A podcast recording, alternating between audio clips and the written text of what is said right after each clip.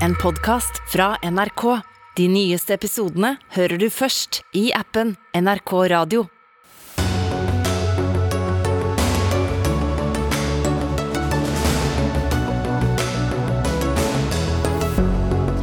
Politidirektøren beklager overfor Birgitte Tengs fetter. I dag ble en annen mann tiltalt for drapet. Denne gangen kan de ikke bomme, sier NRKs kommentator. Advokatforeningen går imot forbudet mot konverteringsterapi. Mener det kan krenke selvbestemmelsesretten. Tvert imot, svarer programleder Morten Hegseth. Russlands bruk av droner i Ukraina har svært liten militær effekt, mener en ekspert på krigføring. Han tror Putin er på defensiven. Og hvis vi skal bevare naturen, må vi sette en faktisk pris på den, ber en professor.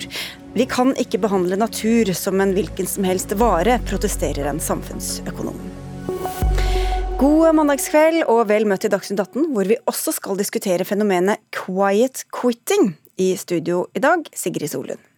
Ja, I dag kom en ny utvikling i en drapssak som har satt dype spor hos alle involverte. For nå har Riksadvokaten beordret tiltale mot en 52 år gammel mann fra Karmøy for drapet på den 17 år gamle Birgitte Tengs i 1995. To år senere ble Tengs da 19 år gamle fetter dømt for drapet på kusinen sin. Han anket og ble frikjent, men også dømt til å betale Tengs foreldre oppreisning i en sivil sak. I ettermiddag beklager politidirektør Benedicte Bjørnland til fetteren til hans familie og de etterlatte, skriver VG. Men først til denne 52-åringen. Øystein Millie, du er krimkommentator i VG. Hva har politiet på ham? Nei, Først og fremst handler det jo om et, eh, et DNA-bevis. Eh, politiet har funnet eh, hans DNA i en blodflekk på strømpebuksa til Birgitte Tengs, som hun hadde på seg den kvelden hun forsvant. Og Så viser jo politiet også til hans historikk. Han har dommer og hendelser knytta til utagerende seksualisert atferd mot kvinner. og Han var også i nærområdet da drapet skjedde. og mangler sånn politi og påtalemyndigheten ser det alibi. Men her er det en lang historie, Olav Rønneberg, krimkommentator i NRK. De kan ikke bomme denne gangen, konkluderer du i en kommentar i dag. Hva er det som står på spill her? Ja, Det handler jo rett og slett om forhistorien her, den uretten som ble begått mot Birgitte Tengs fetter. Eh, og det er jo slik nå at tilliten til politi og påtalemyndighet kan være i spill dersom også denne saken ender med en frifinnelse. Eh, det er jo langt frem dit. Den tiltalte har jo en soleklar rett til å bli behandlet som uskyldig inntil det motsatte er bevist. Men eh, hvis påtalemyndigheten taper denne saken, eh, så kan det rokke ved tilliten til landets påtalemyndighet. Det er jo slik at Man har gjort store feil i denne saken tidligere, og da særlig i etterforskningen av fetteren den gang. Ja, Hva var de store feilene som ble begått? Man fikk jo inn tips bare fire dager etter drapet på Birgitte Tengs om 52-åringen som nå er tiltalt. Eh, og Han ble eh, i en viss grad undersøkt, men dette ble lagt bort fordi man gikk etter fetteren. Eh, og selv etter at fetteren var frifunnet i lagmannsretten av juryen i lagmannsretten, så gikk det mange år før man gjorde noe mer med, med tipsene i saken, og med, med, denne mannen som nå er tiltalt. Først da Kripos sin cold case-gruppe kom inn i saken, så man på saken på nytt. Man fikk gjort nye analyser, og først da, i nyere tid, begynte man å etterforske mannen eh, som nå er tiltalt. Millie, hvorfor tror du at eh, dette sporet ikke ble fulgt, forfulgt nøyere denne gangen? Nei, Jeg frykter jo at man ble grepet av dette tunnelsynet, og at man eh, undersøkte denne mannen, ikke kom noen vei, ikke fant noen inngang på han, og så ble etterforskningsledelsen og etterforskerne opptatt av denne fetteren. Ulykksalig nok, for vi vet jo nå i dag at det er en skandale. Han er helt uskyldig i denne saken. og venter jo nå på at norske myndigheter skal rydde opp etter seg, og, at denne erstatningsdommen en gang for alle kan eh, forsvinne. fordi at han har ikke drept kusina si, og det, det er jo nå synes jeg da, slått fast gjennom at det nå kommer en tiltalebeslutning, uten at det dermed forhåndsdømmer på noe vis. men men man kan liksom ikke ri to hester her og si at det er to menn, holde to menn ansvarlige, som norske myndigheter gjør nå. Det, det går jo ikke. Jeg sa at eh, politidirektøren beklager, Riksadvokaten har beklaget, uh, Olav Rønneberg. Men hva kan, hva kan, egentlig skje med denne fetteren? Altså, han har jo aldri betalt denne erstatningen. Han er frikjent for straffesaken, men dømt sivilt, for de har litt andre krav til bevis. Hva kan jussystemet gjøre, egentlig? Dette er komplisert juss, men denne erstatningsdommen henger over han, eh, selv om han da ikke har betalt. Eh, og Den kan egentlig ikke oppheves fordi den er foreldet, fordi det er en sivilrettslig dom. Eh, og Der står egentlig saken, men så har man prøvd i, flere runder, også via Høyesterett, å få dette opphevet likevel.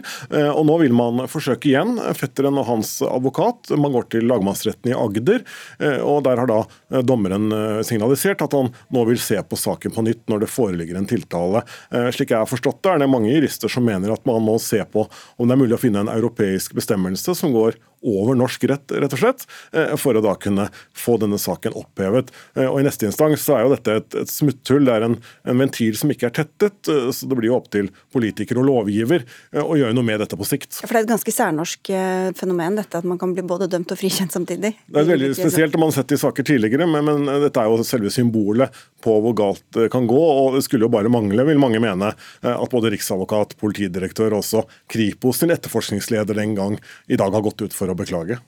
Nå er det altså mm, muligens da en ny rettssak, Øystein Millie. Det er jo en sak som har påvirket og rysta hele Norge, og ikke minst eh, lokalsamfunnet, og ikke minst også denne familien som ble splittet. Hvor viktig er det å få en ordentlig oppklaring her, tror du? Det er jo viktig for familien, det er viktig for Birgittes foreldre og det er jo viktig for Karmøy som lokalsamfunn, men også viktig for hele Norge. Dette er et traume. En sak som eh, fordi den har eh, flere elementer, bl.a. det at en ung jente er på vei hjem og blir brutalt overfalt, utsatt for et seksuelt overgrep og, og drept. Eh, heldigvis eh, fortsatt er det svært sjelden. og det Sammen med da, den historikken med en politiskandale og en justisskandale i denne saken, har gjort at den er helt unik i norsk historie. og da er det jo, som Rønneberg var innom på, helt avgjørende nå at eh, påtalemyndigheten og domstolene er trygge på den avgjørelsen som eh, er truffet i form av en tiltalebeslutning, og som skal treffes når vi kommer til eh, ja, en gang utpå seinvinteren hvor, hvor det skal avsies en, en dom. Så, så, dette er svært viktig, et svært viktig gjennombrudd, og, og, nå helt avgjørende at denne saken får en ordentlig behandling, og at vi nå kanskje kan få en konklusjon som vi kan tro på. Det er sjelden med drap, heldigvis, Olav Rønneberg, men det er jo også koblinger eller Politiet har kobla dette drapet til et drap som skjedde fem år seinere, på Tina Jørgensen. Hva er koblingen og sammenhengen her? De gikk jo ut og sa, da han ble siktet i Tengs-saken, at han også var mistenkt i Tina Jørgensen-saken. Bl.a. fordi han oppholdt seg i Stavanger den helgen Tina Jørgensen forsvant. Eh, så viser det seg at han er også siktet der, fordi politiet har brukt skjulte etterforskningsmetoder mot han, og da må han siktes. Eh, men slik vi leser bevisbildet der, er det mye tynnere.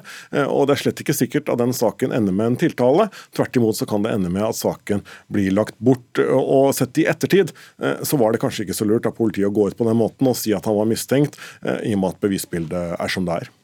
Og Når kan vi forvente noen eventuell dom i denne saken? I denne saken ser det nå ut til at den starter en gang rundt månedsskiftet oktober-november, kanskje litt eh, senere. Den skal vare i tre måneder, er det satt av. Så en gang etter nyttår, godt etter nyttår vil vi få en dom her. Og så er det jo all grunn til å tro at en dom her vil bli anket, mm. uansett utfall.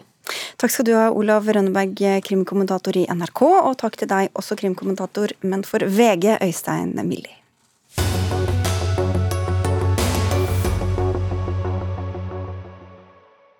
Mange har kommet med innspill til regjeringens forslag om å forby konverteringsterapi. Behandling som har som mål å endre en persons seksuelle orientering eller kjønnsidentitet ved bruk av f.eks. samtaleterapi, bønn og sjelesorg. Men for voksne bør dette fortsatt være lovlig, mener dere i Advokatforeningen, der du er eh, medlem av Menneskerettighetsutvalget. Nikolai Skjærdal, du er advokat og stiller altså på vegne av foreningen. Hvorfor fraråder dere kriminalisering av konverteringsterapi for voksne? Eh, la meg først få si at Advokatforeningen støtter dette lovforslaget. Dvs. det vil si en straffebestemmelse som rammer Eh, det å utføre konverteringsterapi overfor mennesker som ikke har samtykket, eller ved tvang, eller hvis det finner sted overfor barn. Eh, Advokatforeningens innvendinger er på to punkter, et prinsipielt og et mer teknisk, teknisk og på lovbestemmelsens utforming. Det prinsipielle eh, går på det forhold at lovforslaget i sin nåværende utforming vil frata voksne menneskers mulighet til å søke den hjelp de selv måtte ønske. Det er det som er selvbestemmelsesretten. For forbudet rammer enhver enhver form for eh, terapi etter sin art, uavhengig av samtykke.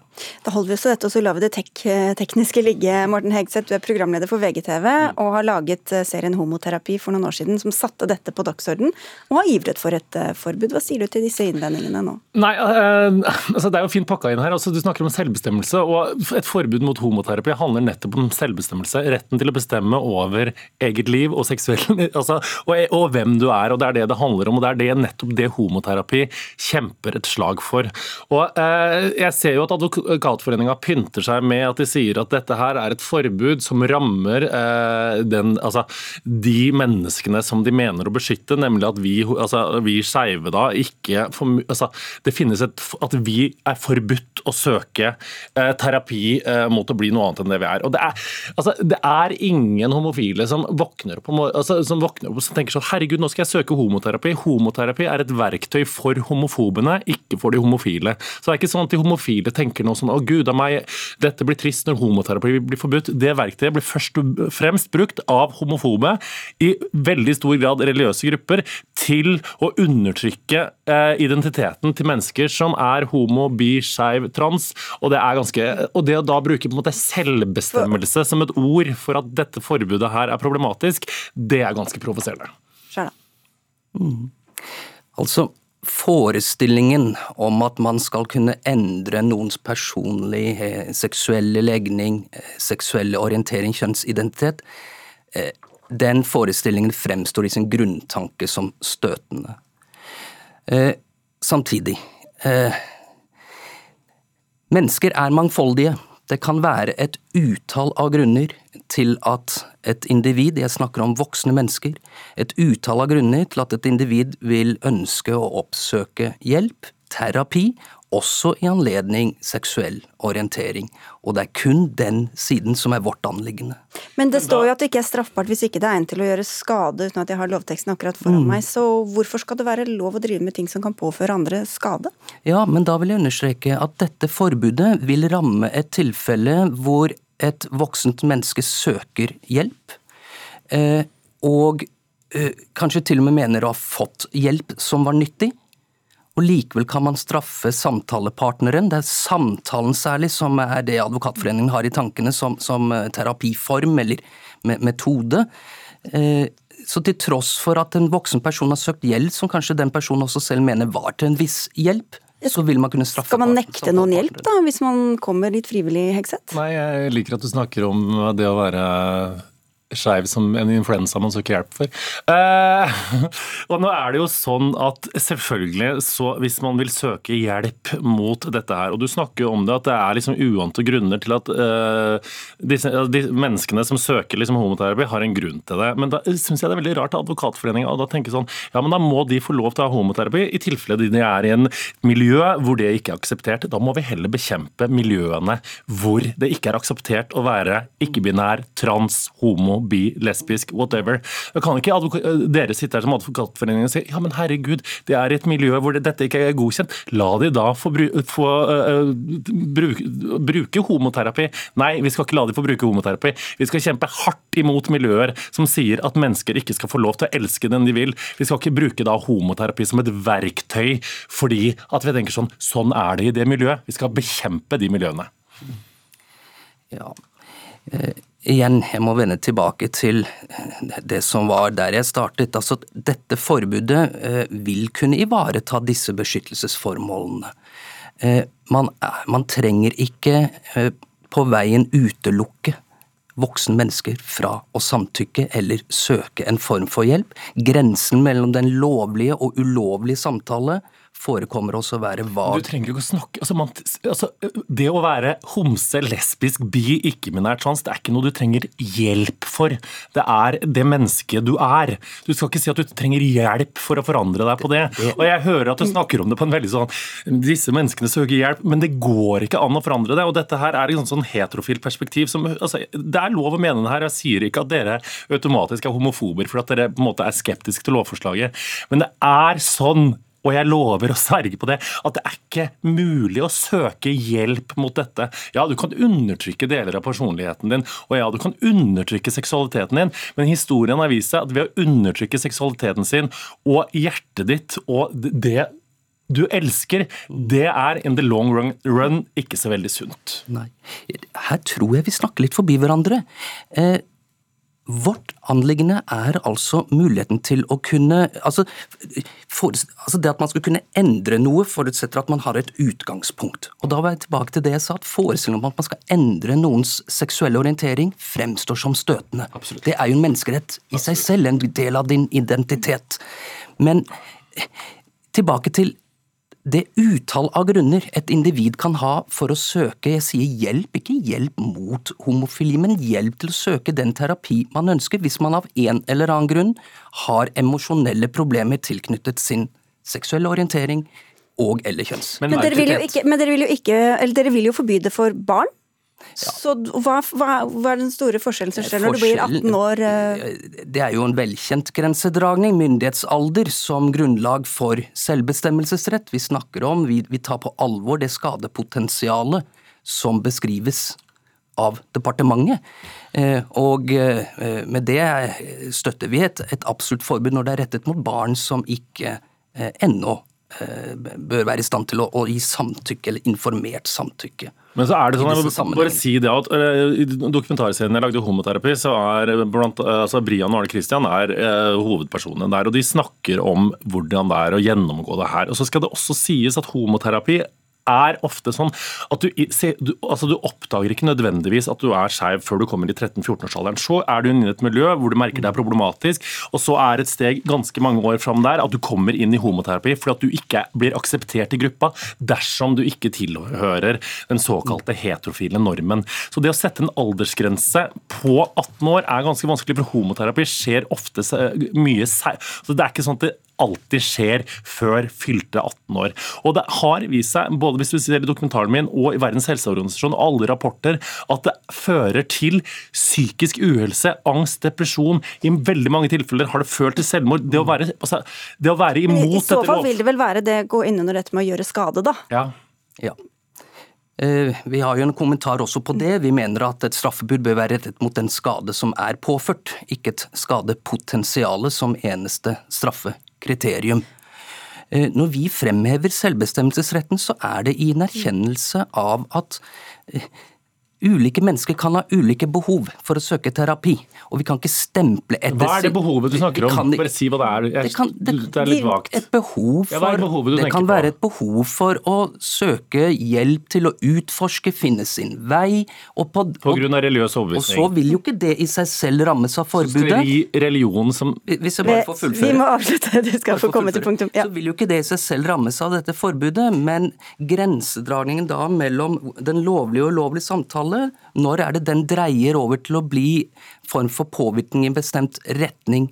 Dette er vi skeptiske til. Og det har dere skrevet i dette høringsinnspillet, som du er helt imot, Morten Hegse. Takk skal dere ha, begge to, for at dere kom. Høringsfristen er over, så får vi se hvor regjeringa og Stortinget til slutt lander. Nikolai Skjerdal og Morten Hegse, takk for at dere kom.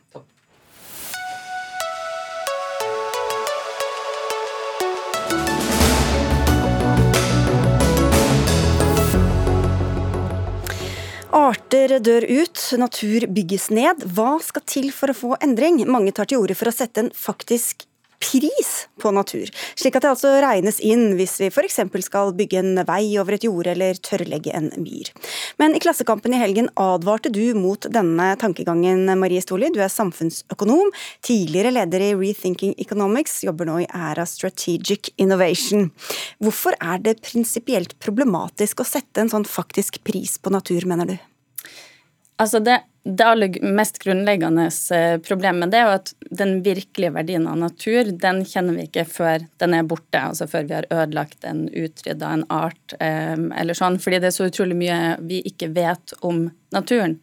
Um, og så tenker jeg jo akkurat i denne saken her at det er et litt dårlig tegn at naturviterne på en måte roper på økonomene for å hjelpe oss å, å verne natur, fordi økonomer flest vet veldig lite om verdien av natur og hvordan den eh, fungerer. Så det er på en måte eh, ja, også et, et, dårlig tegn. da, Heller så burde jo vi økonomer eh, spørre naturviterne hva den er verdt. Ja, Du advarer også litt mot å se på naturen som en sånn vare eller en del i et regnestykke? Ja, det er, jo, det er jo det neste, da. At man, man um, skaper Når man behandler natur i, i, økonomiske termer, da, så skaper man en illusjon om at det er en vare som det går an å selge. Um, og, og, på en måte at man kan betale seg ut av det med penger. Uh, og sånn er det jo uh, ikke. Naturen er uerstattelig. Og for å sette det litt sånn på spissen, da, så finnes det ingen penger på en død planet. Sånn at, ikke sant, penger kan vi alltid stryke mer av, men vi kan ikke lage natur. Men dette er altså noe som jeg tror regjeringa ser på, som mange har tatt til orde for. Eh, Vigdis Vanvik, du er eh, professor i planteøkologi ved Universitetet i Bergen, sitter bl.a. også i Naturrisikoutvalget, og i helgens Klassekampen var det du som tok til orde for dette. Hva, hva er lurt ved å sette en pris på naturen på den måten? Ja, for det første så vil jeg si at jeg er helt enig med, med det Maria sier om at naturen er uvurderlig og umistelig. Eh, men så viser jo også erfaringen det at vi har, eh, vi har mista veldig masse altså Gjennom de siste tiårene så har utrolig store mengder natur gått tapt, og vi står jo da midt i en naturkrise. Og Det jeg tar til orde for, det er at vi må ta i bruk alle verktøyene i verktøykassa skal, for at vi skal klare å ta bedre hensyn til naturen. Vi må bruke økonomiske virkemidler. Vi må også få en bedre forvaltningspraksis.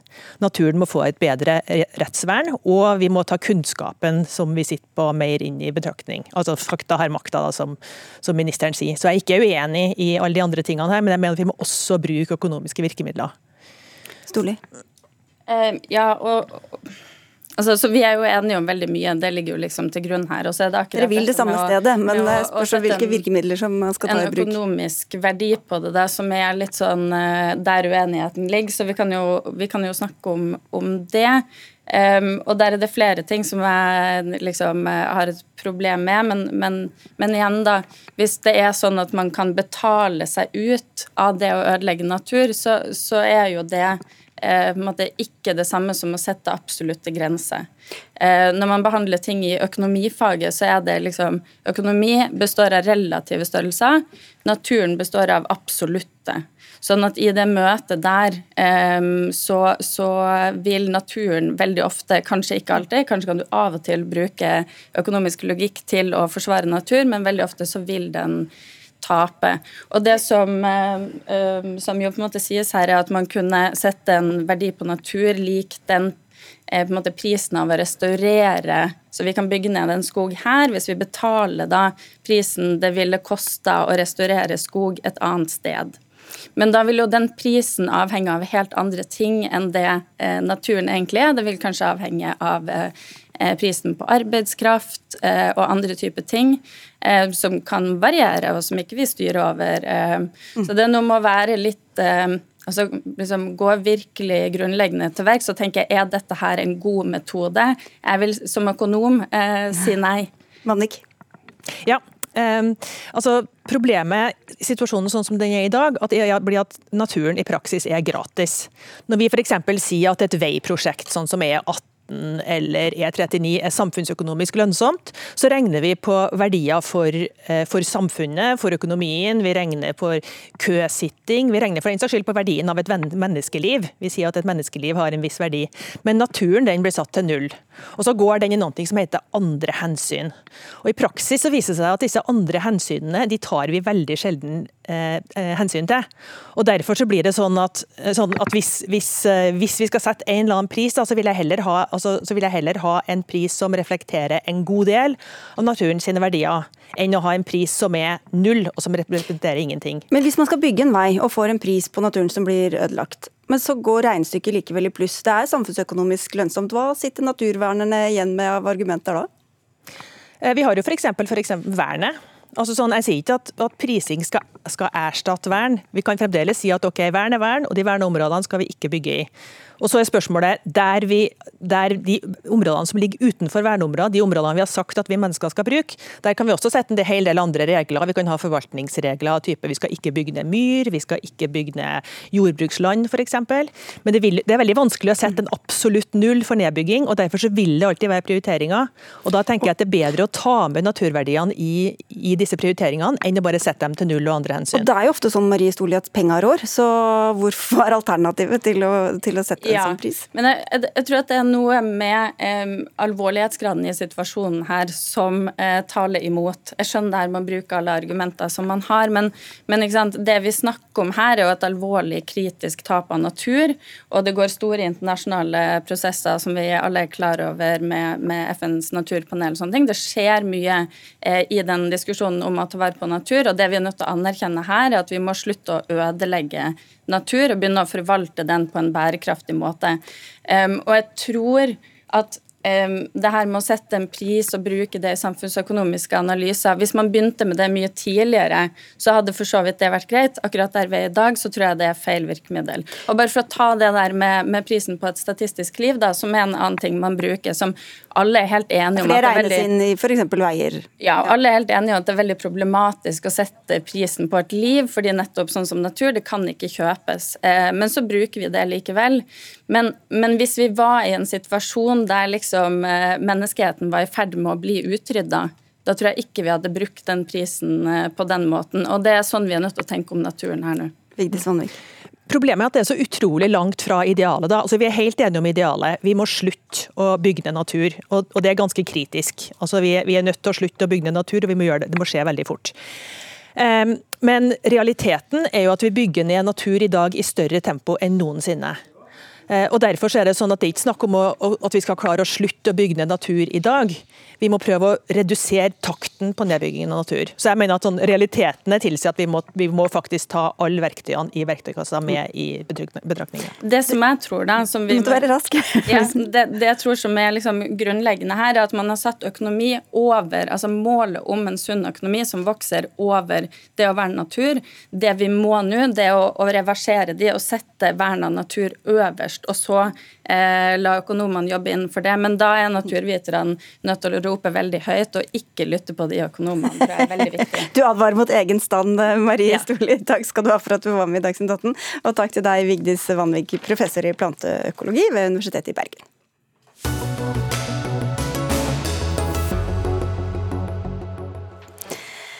Vi nærmer oss halvgått løp her i Dagsnytt 18. Mot slutten av denne sendingen skal vi diskutere dugnader, for eh, hvor foreldre og barn skal selge produkter til inntekt for korps og idrettslag. Ja, kan det kalles dugnad i det hele tatt, spør vi. Men nå. Flere eksplosjoner har rammet sentrum av den ukrainske hovedstaden Kyiv de siste timene. Flere skal være drept etter at russerne har brukt angrepsdroner.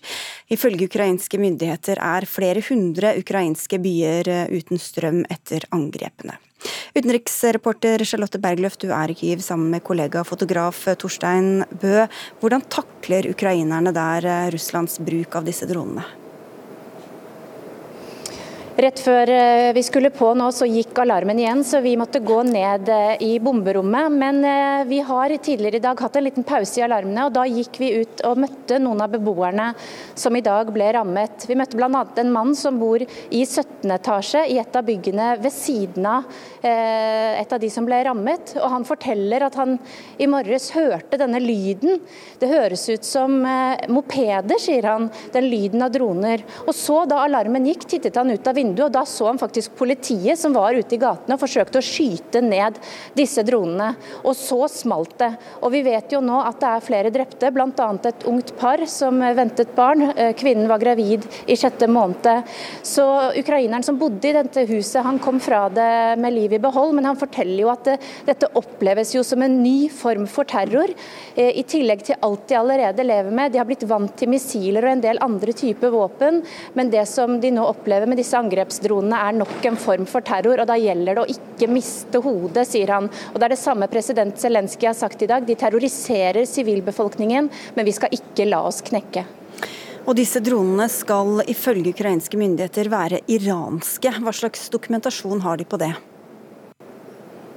Ukrainske myndigheter sier at de har undersøkt en del av de dronene som har vært brukt mot eh, deres territorie. og Da ser de, mener de, komponenter som stammer fra Iran, og som viser at dette er iranske droner. Så dette er deres forklaring på, på det.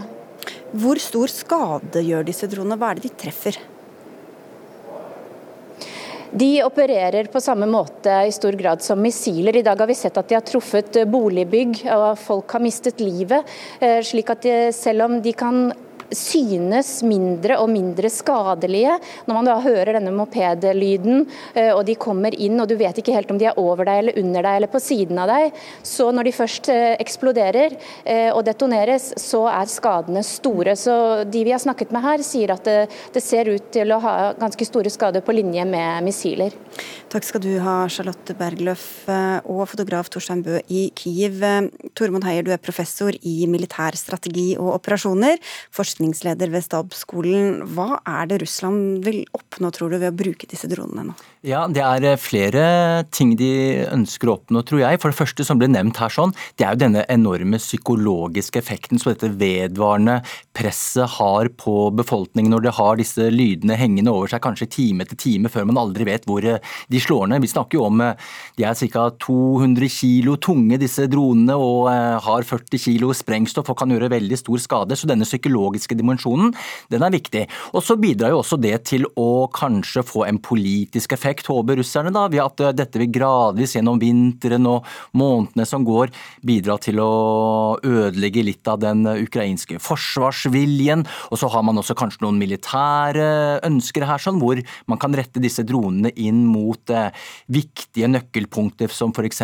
hovedkvarterer og eh, logistikkforsyningspunkter og sambandsnoder og sånn kommunikasjonsutstyr som gjør at eh, det over tid kanskje vil være vanskelig for ukrainerne å, å, å fortsette den offensiven som de har i øst. Men hva, hva, sier dette om krigens gang i Ukraina? Ja, Det sier vel egentlig bare én ting. At eh, krigen har kommet inn i et leie som russerne ikke er spesielt eh, bekvemme med. De trodde de skulle vinne denne krigen ganske kjapt, for snart åtte måneder siden.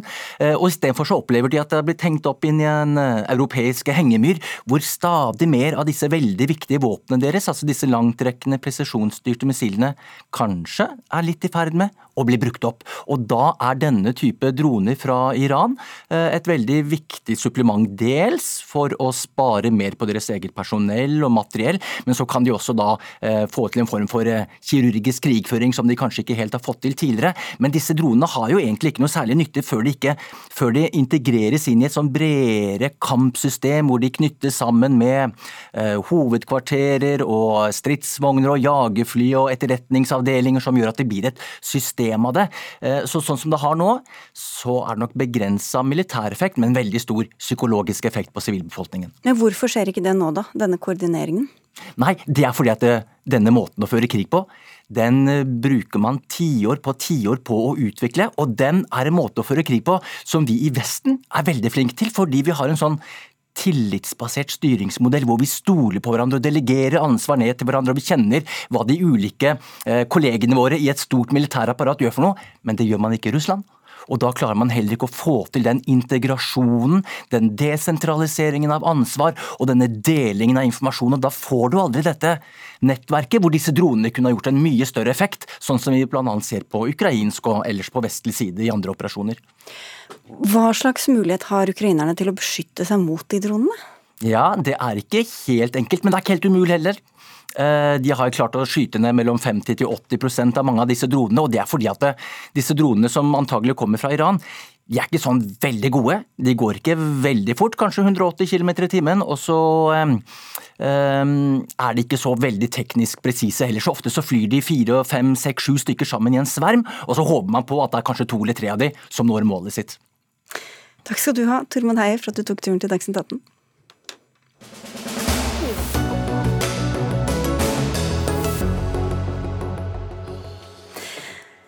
Gjør jobben din og dra hjem. Det er essensen i quiet quitting. Fenomenet har spredt seg gjennom sosiale medier, og en ny undersøkelse fra amerikanske Gallup viser at halvparten av ansatte i USA er nettopp quiet quitters.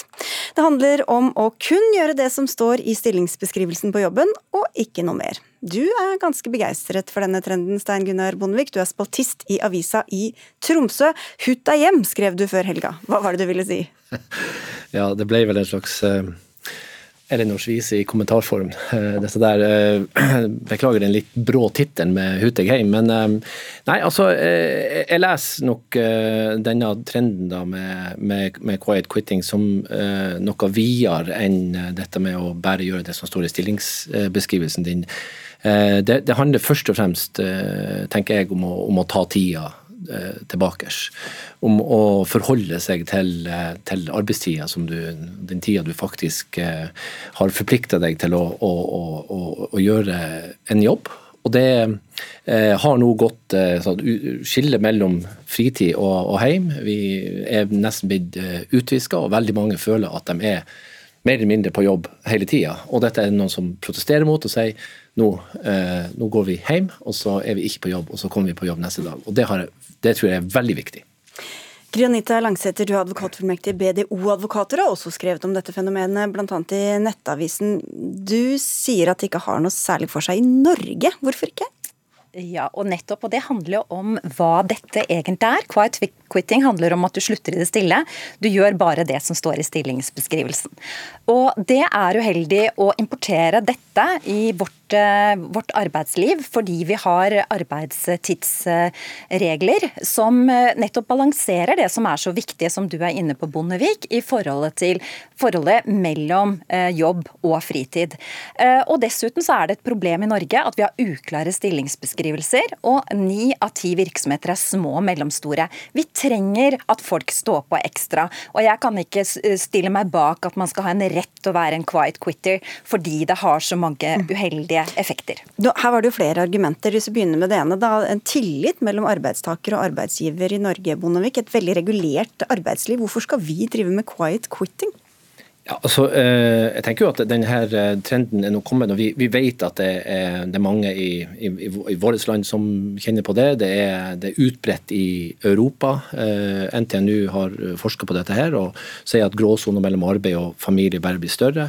Og at det er et, det er et kulturproblem. sånn at det det, det, sier seg selv, alle som har hatt en jobb med en viss fleksibilitet i, du har en PC, du har en telefon, vi vet at uh, den, den, den, arbeidstidsbestemmelsen, dette her, det, det, mer eller mindre det flyter ut. Det er nesten umulig å, å kontrollere. sånn at det, at, det, at det, er noen som blir bevisst dette her og tar dette tilbake, det, klarer jeg ikke å se problemet med. og Jeg, jeg må si at jeg, jeg reagerer på at eh, det blir mer og mer framstilt som at, eh, at, folk som går hjem, eller folk som forholder seg til arbeidstidsbestemmelsene, ikke er lagspiller. Som, som det blir eh, som skrevet, altså illojalt å, å, å, å, gå hjem når, ved, ved arbeidstida slutt. Ja, Vi har vel en arbeidstid av en grunn, Langsetter? Ja, og, og, det er jo det som er viktig. At uh, du som ansatt selv tar den praten med uh, arbeidsgiver, fordi arbeidsgiver har de midlene. Uh, og Bondevik så vil jeg jo være oppmerksom på det at regjeringen selv gjorde noen grep her. For det så man jo, det hviske mellom fritid og arbeid ble veldig, veldig uklart under korona. Og det kom jo nye bestemmelser fra 1.7.2022 nettopp at nå skal arbeidstidsbestemmelsene også gjelde når man jobber på samme måte på kontor som på hjemmekontoret. Så det viser jo at disse rammene ligger der. Men du sa at du forventet eh, at man står på litt ekstra. Hva ligger i det da, egentlig? Det er eh, at man står på ekstra. Det handler jo om at man, eh, hvis man bare skal forholde seg til det som står på stil, i stillingsinstruksen, som ofte er uklar, så er jo det høyst problematisk. For da er det jo quiet quitteren selv som definerer hva vedkommende skal gjøre. Altså, eh, jeg, jeg, jeg, kjøper ikke helt det, det argumentet. Altså, det, denne her bevegelsen sier jo nettopp det motsatte. At man faktisk eh, ikke skal begynne å definere sjøl, men faktisk gjøre det man, er, det man er, er, er, ansatt for. Og så vil du si at, at eh, det er noe feil med stillingsbeskrivelsen da, dersom eh, det ikke er forventes av den ansatte å ta initiativ, eh, å melde seg, og ha evne til samarbeid og, og, på en måte stå på. Det, det er jo snakk om å stå på, men innenfor rammen av arbeidstida si. Ja, for det er det jeg lurer på. Er dere egentlig enige? Altså, mener, alle mener at når man er på jobb, så er man ordentlig på jobb. Da, man, da jobber man eh, kanskje minus en liten lunsjpause eller et eller annet sånt. Og så er det det Langsetter at du ønsker at man skal jobbe utover den arbeidstiden? Nei, nei, det mener jeg ikke. Uh, nå er det sånn at Man skal forholde seg til det som står i stillingsbeskrivelsen, men det som er problematisk, er ofte at det er uklart. og Hvis det blir definert opp til den enkelte, og det ikke er lovbestemmelser eller tariffavtaler som sier hva man skal gjøre, så får man et problem. og Det ser man jo denne diskusjonen også. For det har blitt veldig trukket på den ene og den andre siden. Jeg er ikke en unnasluntrer. Og hvorfor er det lett å tenke at man er en unnasluntrer, da? Hvis man uh, går og blir en quiet quitter. Og det er jo mange som har problematisert dette her i forhold til det å være en quiet quitter. Det er en som, som, slutter i det stille. Og hvem er det som skal definere det? Og det er jo problematisk. Det er sjefen som bestemmer hvis eh, arbeidsavtalen er eh, uklar og ikke lovbestemmelser eller tariffavtaler men, men, setter noen grenser. Men med all respekt, det er jo ikke snakk om å slutte. Det er jo snakk om å gå hjem. Du gjør det litt i det stille, da. Ja, ja. ja, altså, altså eh, det, det, For det er, jo, det er jo ikke snakk om en, om, en, om en, protest eller en streik eller noe sånt. Det er, det er rett og slett å forholde seg til, til den arbeidsavtalen man har. Og det, jeg, jeg, tenker at det er veldig mye sunt i det. Og, og det er også, jeg tenker også det er verdt å, å stoppe opp ved, ved, ved uttrykket fleksibilitet. Eh, for dette er ble innført i, i, i arbeidslivet i de, i de eh, senere år. Det forventes en fleksibilitet fra arbeidsgiver arbeidsgiver, og så forventes det også en fleksibilitet eh, tilbake. Og dette ja. her har nå falt ned i favør av arbeidsgiver. Men, det er, ja, ja, men, men, men, men så, kan jeg få si en ting? Ja, okay, jeg må arrestere deg litt, fordi at okay. du sier det at du, du, tar dette begrepet og utvider det litt. Og vi har fleksibilitet og vern i de arbeidstidsbestemmelsene som vi har i dag. Og poenget er òg ni av ti virksomheter er små og mellomstore. Det gjør at den veien til å snakke med sjefen når du har behov for å prioritere, du har behov for fleksibilitet aktivitet og har behov for vern, den er veldig kort. Men samtidig, grunnen til at man da kaller det kanskje quiet, er fordi at er, man må snike seg ut hvis man skal gå når arbeidstiden er over, fordi det er forventning om at alle sitter her til klokka sju eller ni om kvelden, eh, selv om arbeidstiden er over langsetter?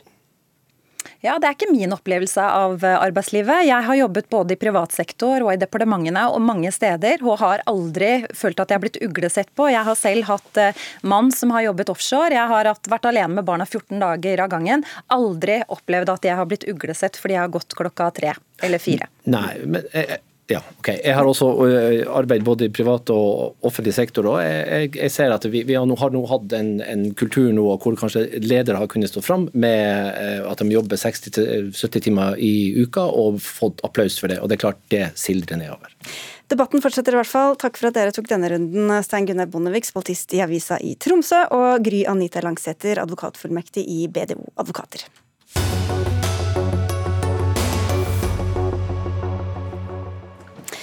Jeg er imponert over jobben matsentralene gjør. Ja, Det sa landbruksministeren da hun besøkte Matsentralen nylig. Et eh, nettverk av matsentraler som leverer overskuddsmat til vanskeligstilte. En uke senere foreslo regjeringen å eh, kutte støtten til organisasjonen med flere hundre tusen kroner. Mimmi Kristiansson, du sitter på Stortinget for Rødt og kaller dette et smålig og usosialt eh, kutt, men et kutt blant mange. Hva var det som var spesielt ille med dette? Vi lever i en situasjon nå der eh, sult banker på døren til veldig mange fattige familier i Norge. Altså En rapport fra SIFO, dette er tall som jeg tror veldig mange i Norge ikke vil tro på, men en rapport fra SIFO som kom nylig, viser at 200 000, altså 200 000 husstander i Norge enten må hoppe over måltider eller gå til Nav eller frivillige organisasjoner for å tigge om mat fordi de ikke har råd. Det er lavtlønte, det er aleneforsørgere, det er minstepensjonister, det er uføretrygda, you name it. Og i tillegg til det har vi et velferdssystem som ikke klarer å ta vare på disse. Samme rapport fra SIFO sier at flere går til frivillige organisasjoner enn til Nav, for de får ikke den hjelpen de skal ha på Nav. Så I denne situasjonen så burde et tilbud som Matsentralen, som altså står for distribusjon av mat til alle disse evangeliesentre, Blå Kors, alle disse som står og deler ut, de som står for å skaffe de mat, de burde jo fått økt støtten sin betydelig. Fordi pågangen er så stor, det er så mange flere som trenger gratis mat. Men så i stedet for det, så tar regjeringen og kutter kutte 600 000 i dette tilbudet. og Dermed er det 300 000 færre måltider å dele ut til køer som er mye mye lengre enn de var i fjor neste år. Vi vet at dere har prioritert hardt, eh, Wenche Westberg. Du er statssekretær i Landbruks- og matdepartementet. Men som statsråd Sandra Borch selv sa, det er et tankekors at stadig flere trenger mathjelp, samtidig som vi vet at vi kaster altfor mye mat. Det sa hun da hun var på besøk her. Så når stadig flere trenger gratis eller billig mat, hvorfor skal man da kutte i det tilbudet? Ja, Det er et uh, godt spørsmål, og jeg uh, kan godt se at dette fremstår som et paradoks. Uh, og Kristiansson og jeg kan være uenige om mye, men vi er nok helt uenige om at alle politikere akkurat nå må anerkjenne at mange norske husstander står i en veldig krevende økonomisk situasjon i Norge akkurat nå. Og I så måte så, så er det kjempeviktig for oss å få understreke at dette er på ingen måte noen kritikk av Matsentralen og arbeidet de gjør. Så vi står helt inne for de uttalelsene som Sandra Borch hadde på besøk. Men det er jo som kjent et eh, Det var behov for å legge fram et stramt statsbudsjett nettopp for å unngå ytterligere prisøkninger og rentehevninger. Og Men hvordan blir det høyere rente av at folk eh, får mat?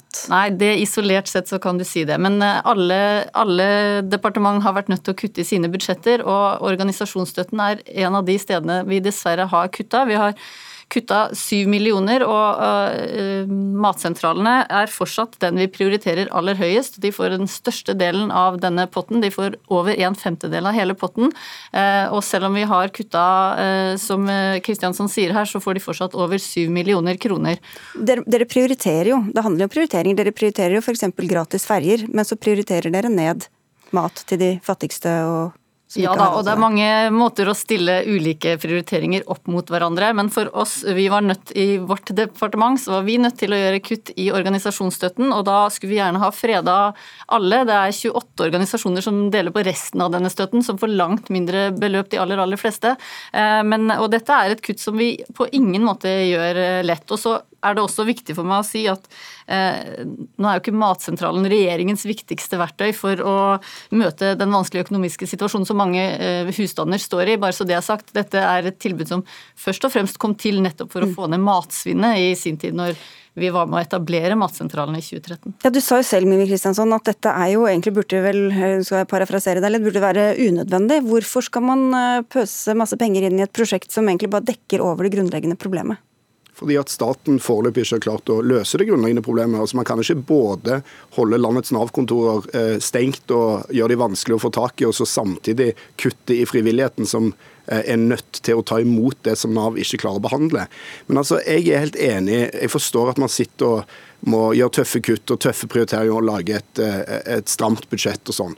Men nå snakker man om et spesifikt kutt på 600 000 kroner. Og for å eh, bare si det da, 600 000 kroner, det er, altså, det er ikke peanøtter engang. Det er peanøttskall som noen har spytta ut og trykka til gøgge på gaten. Liksom. Det er nesten ingen penger. Vil du ha tips til å skaffe 600 000 kroner? Hvis 19 statsråder går ned 30 000 i lønn, så har du 600 000 kroner. Og det jeg sier, det høres sikkert usaklig ut nå, men altså, det som er usaklig, det er å begynne å snakke om de helhetlige problemene ved et stramt budsjett eller ved prisdriving og rente, når vi snakker om små, spesifikke kutt i denne størrelsesordenen Hvis de fattige sto på gata utenfor og ville ha 10 milliarder kroner, da hadde de forstått at det hadde vært et problem med tanke på prisstigningen i Norge. Men de, altså, det er 600 000 kroner, og det står ikke til troende at man ikke skal klare å finne de pengene hvis man prioriterer de som rett og slett ikke har mat å sette på bordet. Vestberg. Ja, nei, eh, det høres jo veldig enkelt ut at vi kan bare innfri dette ønsket, disse 600 000 kronene. Og, det, er, det, er, et lite beløp i det store. Men det er jo også sånn at eh, dette budsjettet var nødt til å bli stramt. Det er et veldig omfordelende budsjett. Det er mye i dette budsjettet som jeg tror Kristiansson også setter pris på. Eh, og da er det mange ulike små kutt som også blir til et stort kutt. Og for oss så har vi jo kutta nesten en sjettedel av denne ordningen. Og det er en ganske liten ordning, så for oss så, så, er det mange små kutt som har utgjort det kuttet vi var nødt til å gjøre på den ordningen. Og et kutt som eh, Solberg-regjeringen prøvde på også i 2017. Da sa Jonas Gahr Støre at det var smålig. Hvorfor er det ikke smålig nå når prisene har økt og folk har fått dårligere råd?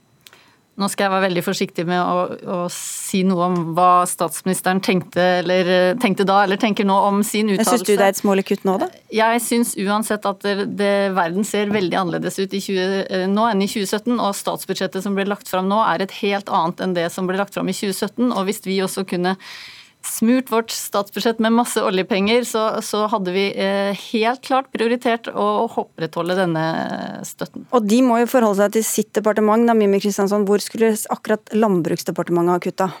Ja, altså For det første så er det jo noen organisasjoner som ikke får kutt. og Jeg er ikke ute etter å kutte i støtten til Bygdekvinnelag eller Bondeungdomslag eller 4H, jeg, men det lukter jo at de organisasjonene er skåna fordi at det er organisasjoner som betyr mye for Senterpartiet, og det er flott, det.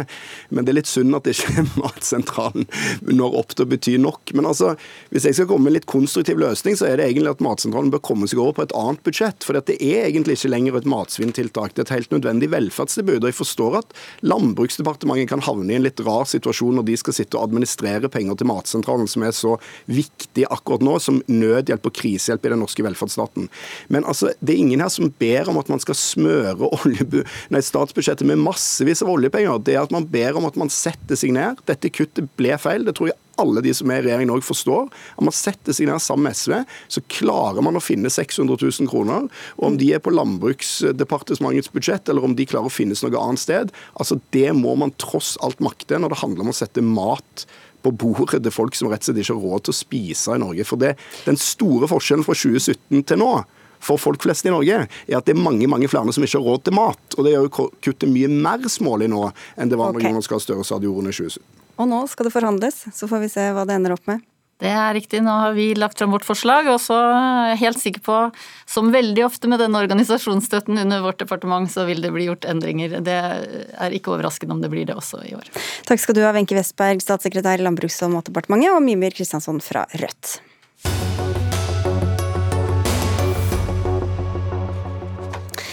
De fleste har vel vært borti det. Kjøp og salg av doruller, småkaker og sokker til inntekt for egne eller andre barns fritidsaktiviteter. Denne måten å finansiere barneidrett og korps på har fått kritikk, men nå går eh, Norges idrettsforbund et skritt eh, lengre. De har inngått en avtale med Spleis og sokkeprodusenten Bambusa for å gjøre dugnadsjobben lettere for idrettslag og foreldre. Pål Kristen Rønnevik, du er leder for digitalisering i Norges idrettsforbund. Vi skal ikke drive med reklame her, men bare fortell hva denne avtalen går ut på. Ja, altså dette er et godt supplement til tradisjonell dugnad. Eh, det vi prøver å gjøre her er å skape en enkel og trygg løsning for å skape nye inntekter gjennom salg av produkter og digitale skrapelodd. Eh, og Målet er å skape mest mulig inntekter tilbake til idrettslagene uten høy grad av risiko. Ja, for I stedet for at foreldrene kjøper inn en pall med doruller som de prøver å pushe videre, så er det gjennom denne tredjeparten? Ja, I dette tilfellet så trenger man ikke et varelager og man trenger ikke tenke distribusjon. Eh, man trenger heller ikke sikre betalingen. Det gjør man gjennom Splace. og Dermed så mener vi at dette er en mye bedre løsning, som da gjør det enklere for idrettslagene. Og Vi trenger flere inntekter til idrettslagene i en tid hvor eh, lønn og lønns- og prisveksten eskalerer.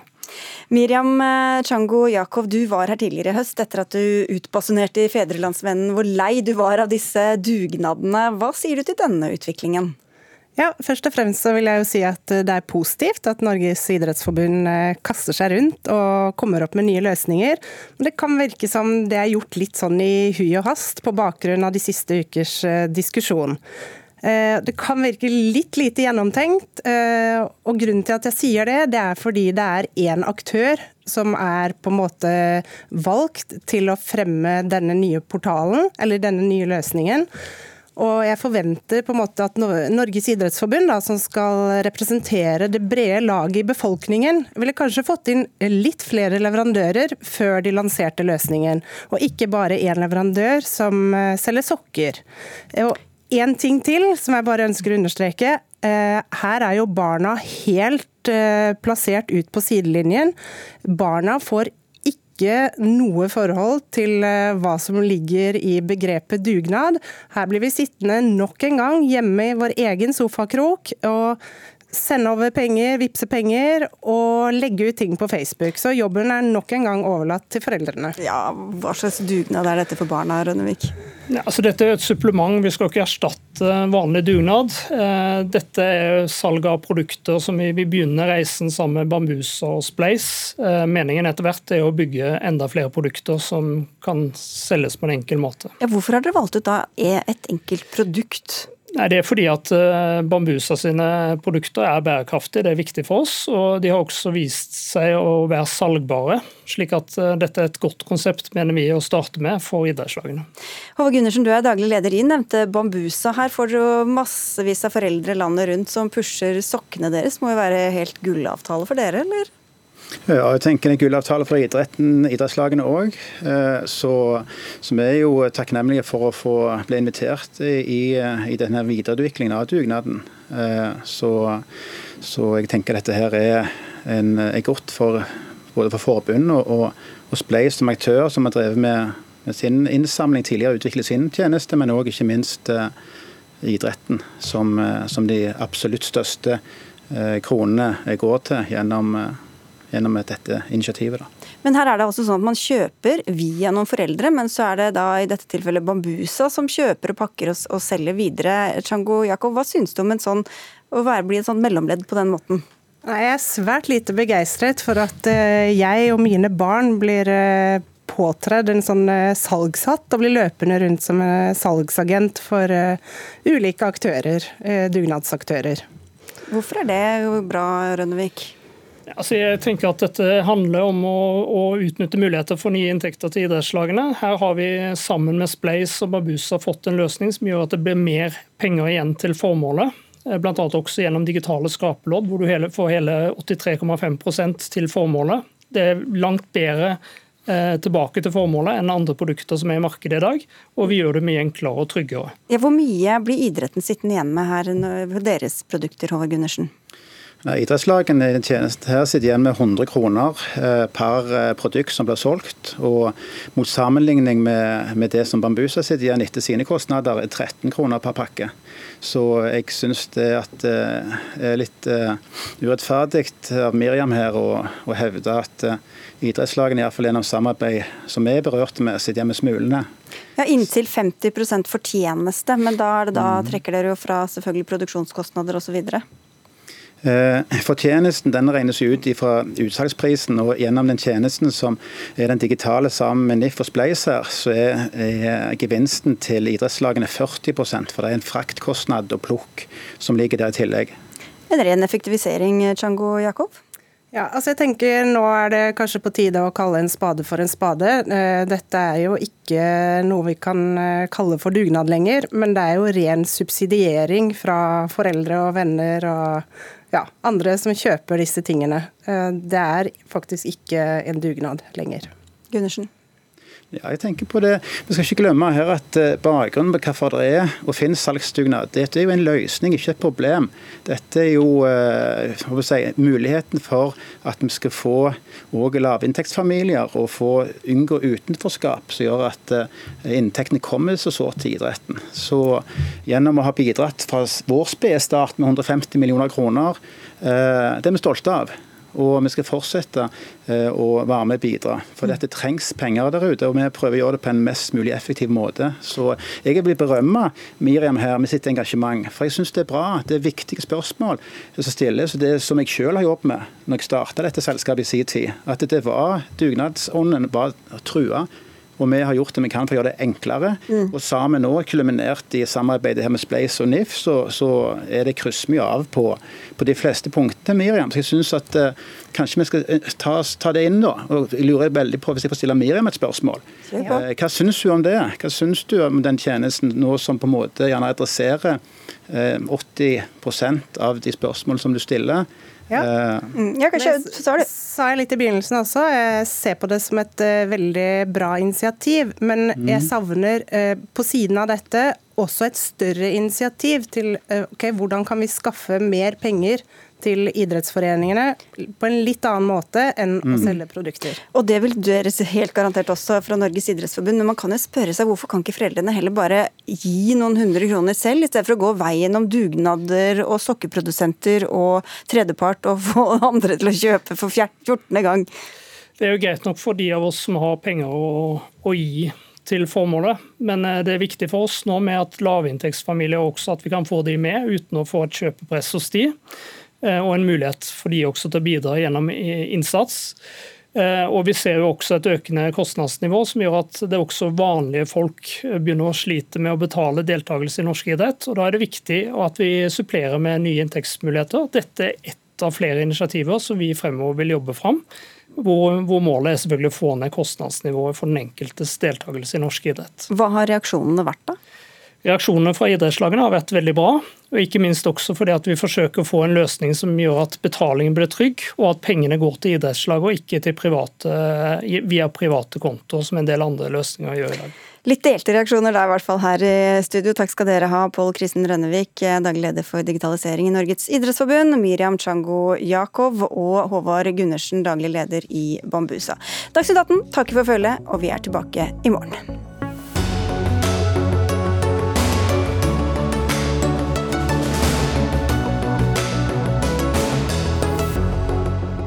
Du har hørt en podkast fra NRK.